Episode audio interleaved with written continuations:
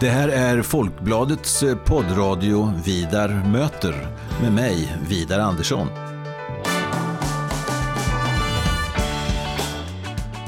Jag är eh, chefredaktör på Folkbladet och jag är också ansvarig för Folkbladets ledarsida som eh, skrivs utifrån en oberoende socialdemokratisk hållning. Så i den här poddradion kommer jag att möta politiska personer av olika slag och vi ska ha ganska så korta och hoppas jag rappa samtal om stora och små samhällsfrågor. Varmt välkommen till Vidar möter.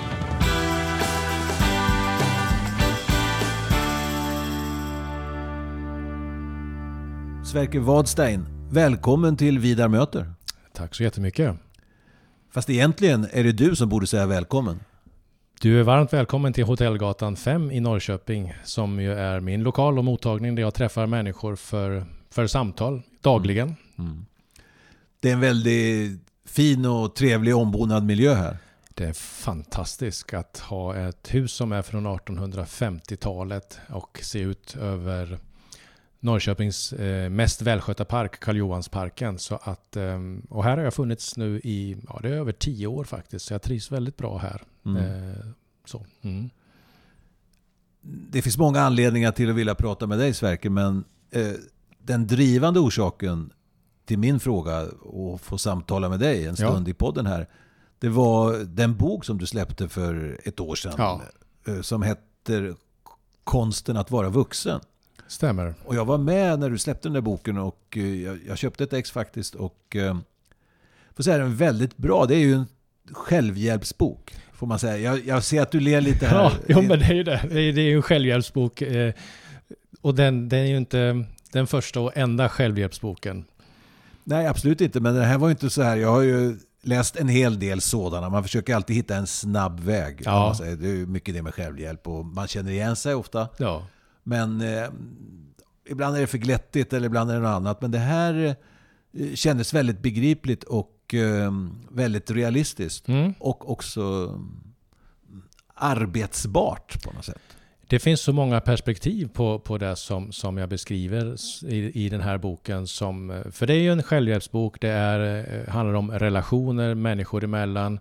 Eh, personliga relationer, arbetsrelationer eh, och ledarskap. Men det som är teorin i boken går också att överföra på ett eh, samhällsperspektiv. Och det är just det perspektivet som, som eh, vi ju sitter här och ska, ska mm. lyfta idag. Ja, precis.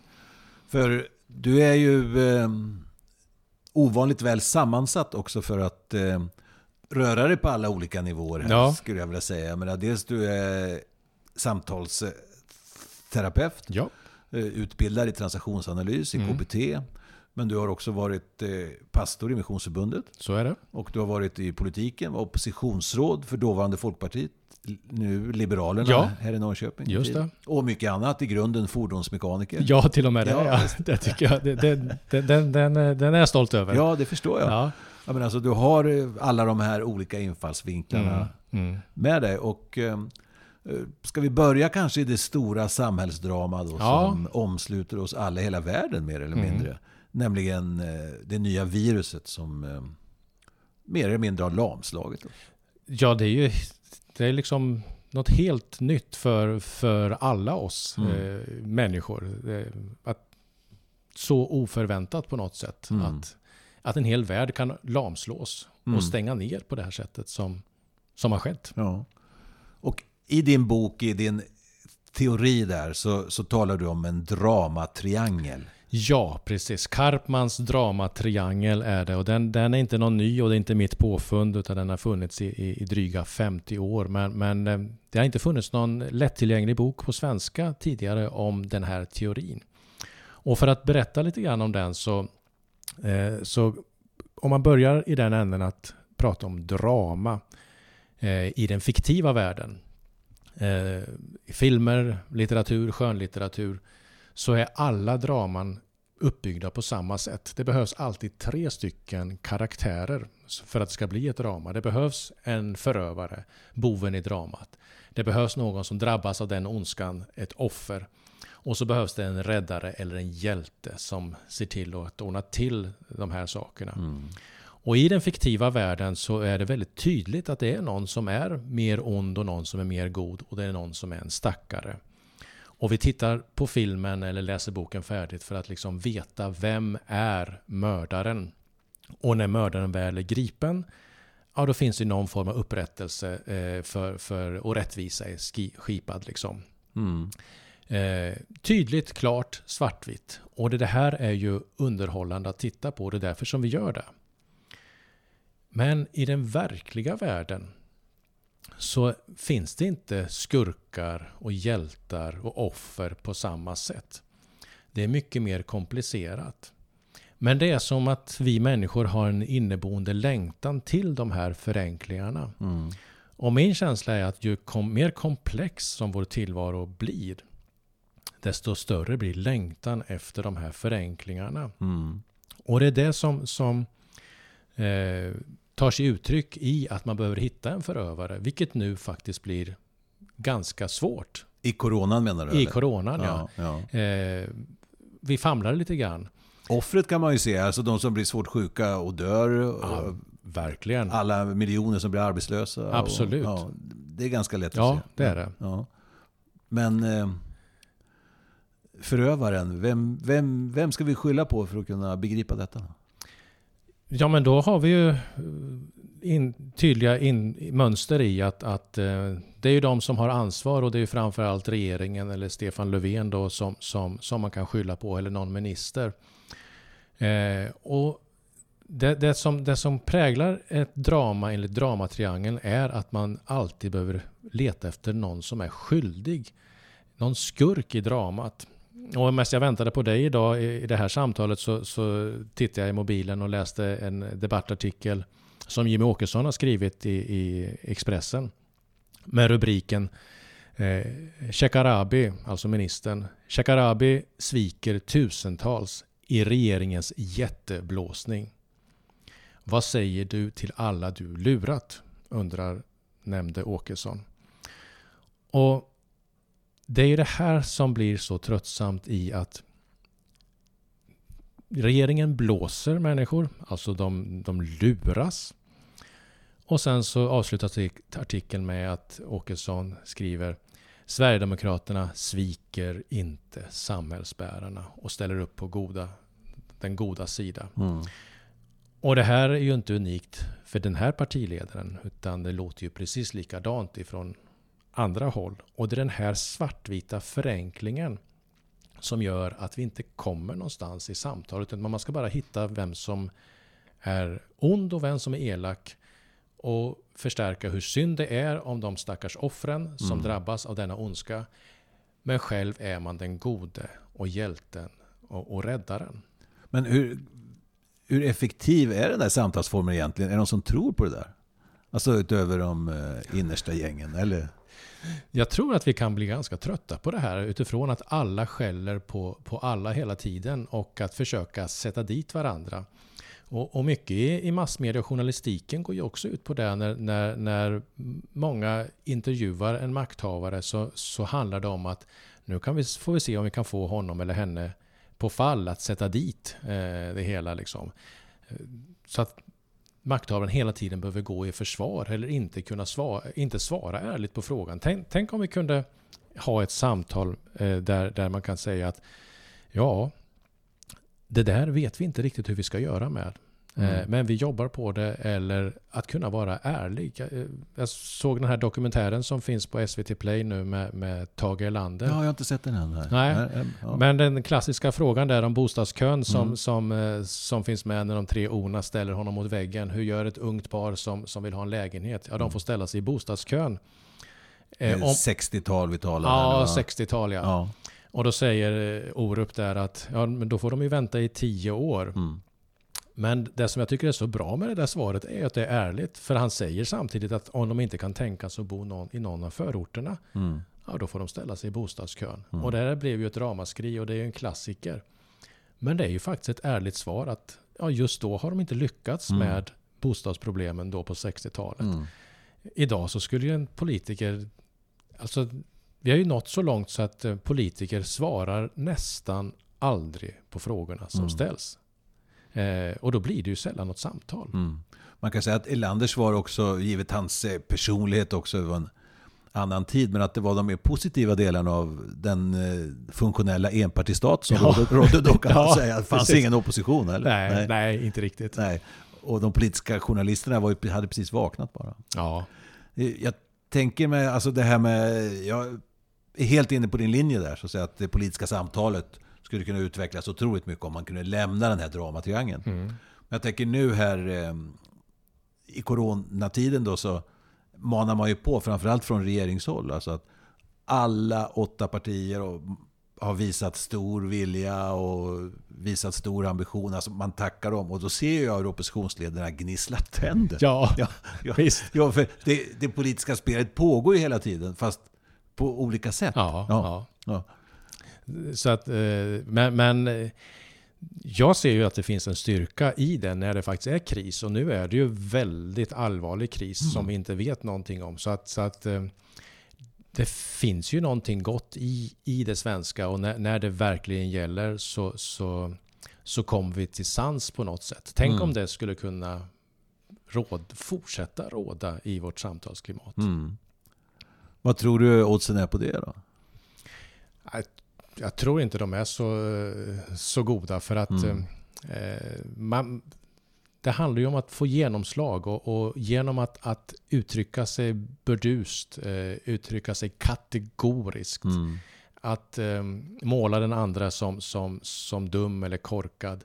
Det ger ändå genomslag på något sätt. Mm. Men det svåra blir ju när man själv och kanske som oppositionspolitiker får ansvar eh, som man ska leva upp till när, när man har skyltat hela sjukvårdskrisen är, är, är regeringens fel eller, och så vidare. Sen står man där själv med ansvaret. Mm. Eh, det blir inte så enkelt. Nej, och båda rollerna har sin tjusning. Jag minns eh, Thomas Östros som eh, Mm. eh, en människa och politiker som jag gillar mycket. Eh, Och när Socialdemokraterna förlorade valet här nu eh, till Alliansen, eh, var det 06. 06 Mm. Eh, så blev ju Östros någon form av här, oppositionsledare för den ekonomiska politiken. Ja, just det. Och jag såg hur han vantrivdes. Fruktansvärt. För enda, enda gången han fick 15 sekunder i Rapport eller Aktuellt, det var ju, då var hans uppdrag att säga för lite, för sent, för dåligt. Ja. annars var det ingen som ville lyssna på.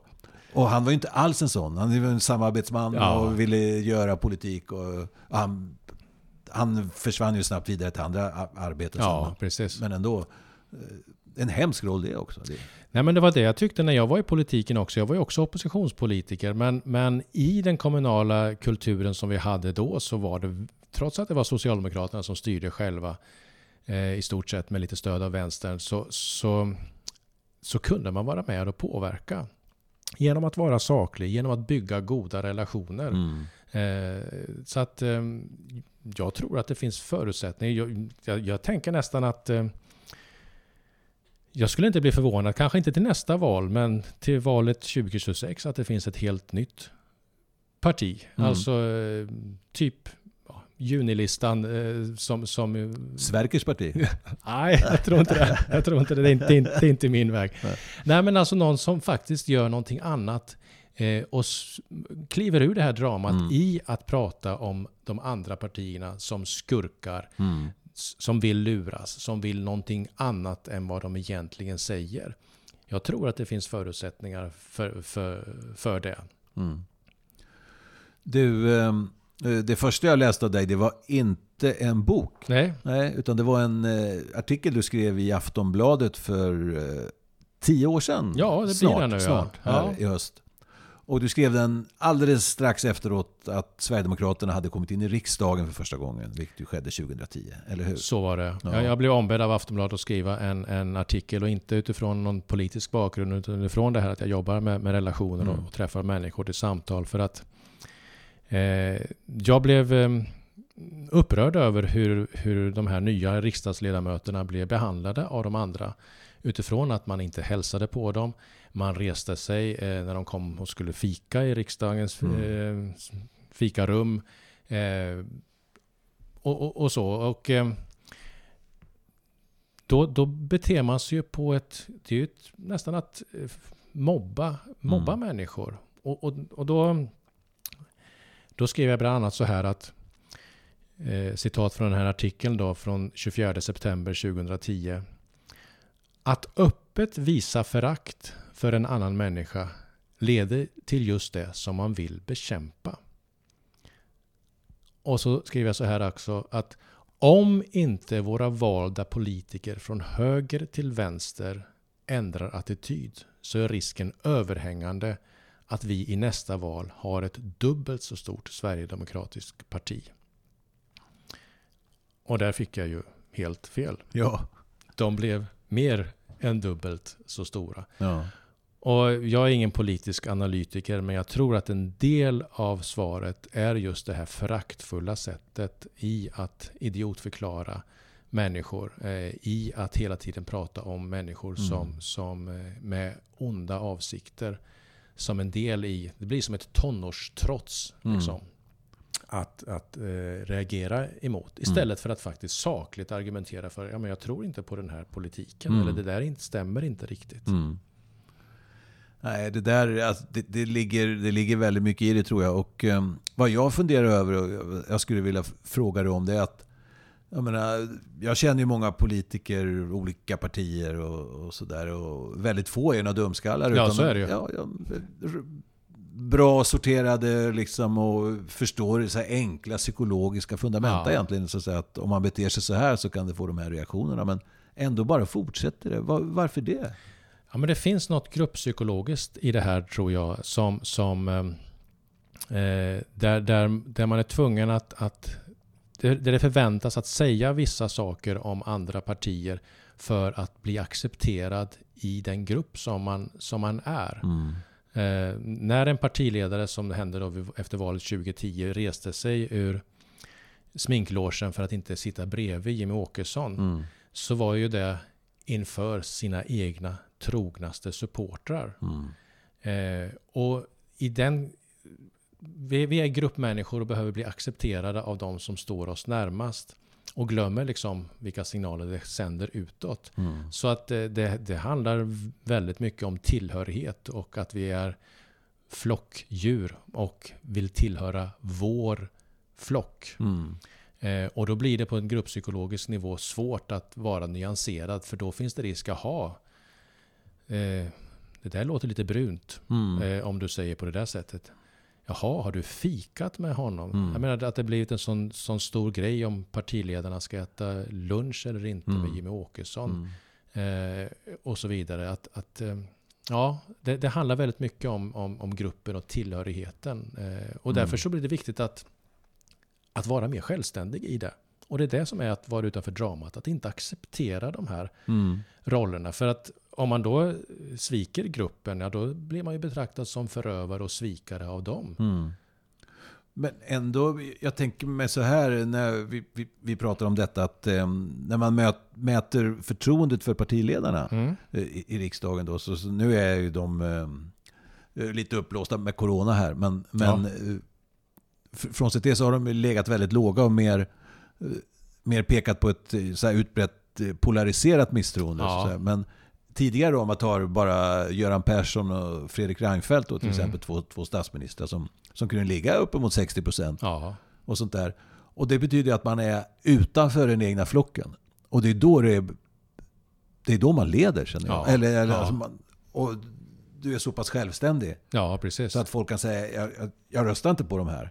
Men det här är, det här är en bra person. Ja. Eller Det här, han talar till mig också. Ja, Det är inte bara en partigängare. nej precis. Och det är det som, eh, det skulle jag tro att alla begåvade politiker eftersträvar naturligtvis. Men man kan fastna i gruppen, är det så du säger? Ja, jag tror det. Man kan fastna i, i, i det interna. Och det är inte så märkligt, för det är ju de som man också är beroende av. För att de ska välja en på nästa partikongress. Liksom, eh, och så. Eller för att man ska kunna klättra i hierarkin att, att få det här uppdraget. Att bli oppositionsråd, att bli kommunalråd. Mm. Det är ju en ganska liten krets som, som, eh, som väljer eh, dem. Det, det, och det gör ju inte folket. Och där behöver man ju klättra. Ja, för att faktiskt komma någonstans. Ja.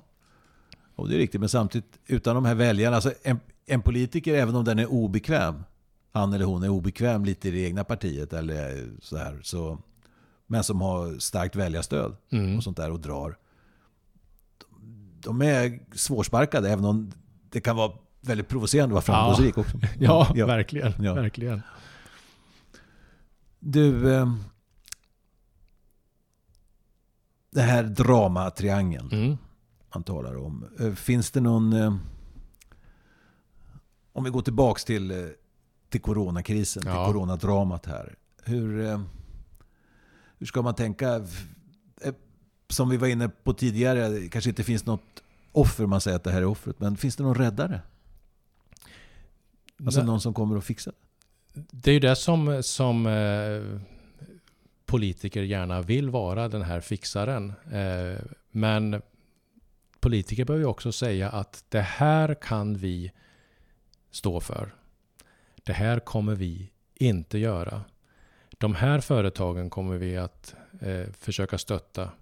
De här företagen kan vi inte stötta. Mm.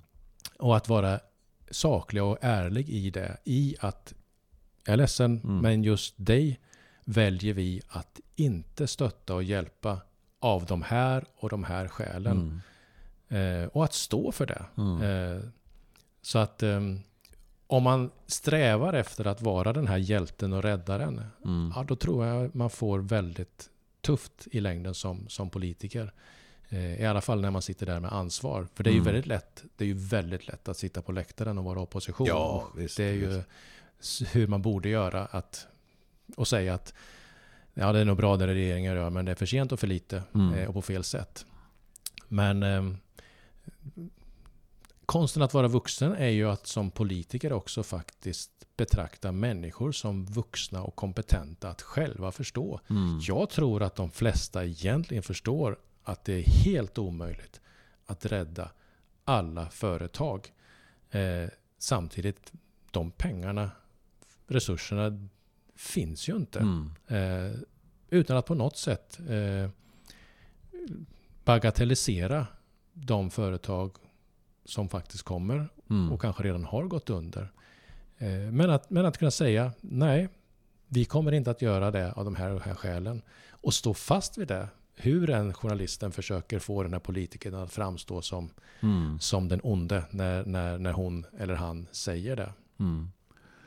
Och är det inte så, skulle man kunna säga att eh, vi har lite av alla de här rollerna i oss? Har vi inte det? Alltså att, ja, verkligen. Det är, ja. Det, är, det, är, det är så. Det är omöjligt att, att eh, både i, i, i samhället men också på det personliga planet att mm. inte snurra runt i det här. Vi, vi är den här eh, vi, vi, vi, tänker om andra att de beter sig mm. som idioter. Vi tycker synd om oss själva. Mm. Och vi ser oss själva ofta som väldigt goda. Mm. Men konsten att vara vuxen är ju faktiskt att se sig själv utifrån. Eh, och se, men vad är jag i det här? Till exempel om vi tar det här att, att vi har gjort oss av med alla beredskapslager. Mm. Hur kunde politikerna vara så korkade? Ja, och så är det någon som påminner oss om att ja, men vi fick en skrift för en tid sedan hem där det stod att vi skulle ha förråd hemma ifall någonting händer. Hur många av oss tog det på allvar? Mm. Väldigt, väldigt få. Mm. Eh, så hur agerar jag? Ja, jag agerar ungefär som folk gör mest. Hur agerar politiker? Ja, troligen på samma sätt. Att kunna se sig själv utifrån istället för att peka finger. För, för det psykologiska i att vi pekar finger är ju att, att det egentligen finns att ja, men jag är ganska usel. Men det finns de som är uslare och så pekar man finger mot dem. Liksom. Och det är det här som jag vill komma ifrån. Mm. Både på det personliga planet, i relationer, i ledarskap. Men också i, på ett samhällsperspektiv. Att vi slutar att göra människor till onda och förakta dem. Istället för att visa respekt och argumentera för det som jag tror på. Och inte minst kunna lyssna mm. på den andra. Eh, oavsett vilket parti den kommer. Inte att stämpla den, ja men det, det är en sverigedemokrat eller det är en vänsterpartist. Det är en moderat, därför lyssnar jag inte på henne. Mm. Det är en människa. Jag lyssnar. Och sen kan jag komma med mitt. Mm. Det är en bra mission som du har Sverker Wadstein, ja. allvarligt talat. Ja. Och, um, det är bara att kämpa på. Vi får göra det. Ja. Och jag, lite grann så tycker jag att, att det är det som, som du står för också i, i det nyanserade sätt som du skriver dina ledare på, liksom resonerande eh, och inte med några stora slängar hit och dit. Så att, eh, därför känns det väldigt bra att ha det här samtalet med just mm. dig. Vad bra. Tusen tack för att eh, du var med i Vida möter. Tack så jättemycket. Ha det så gott.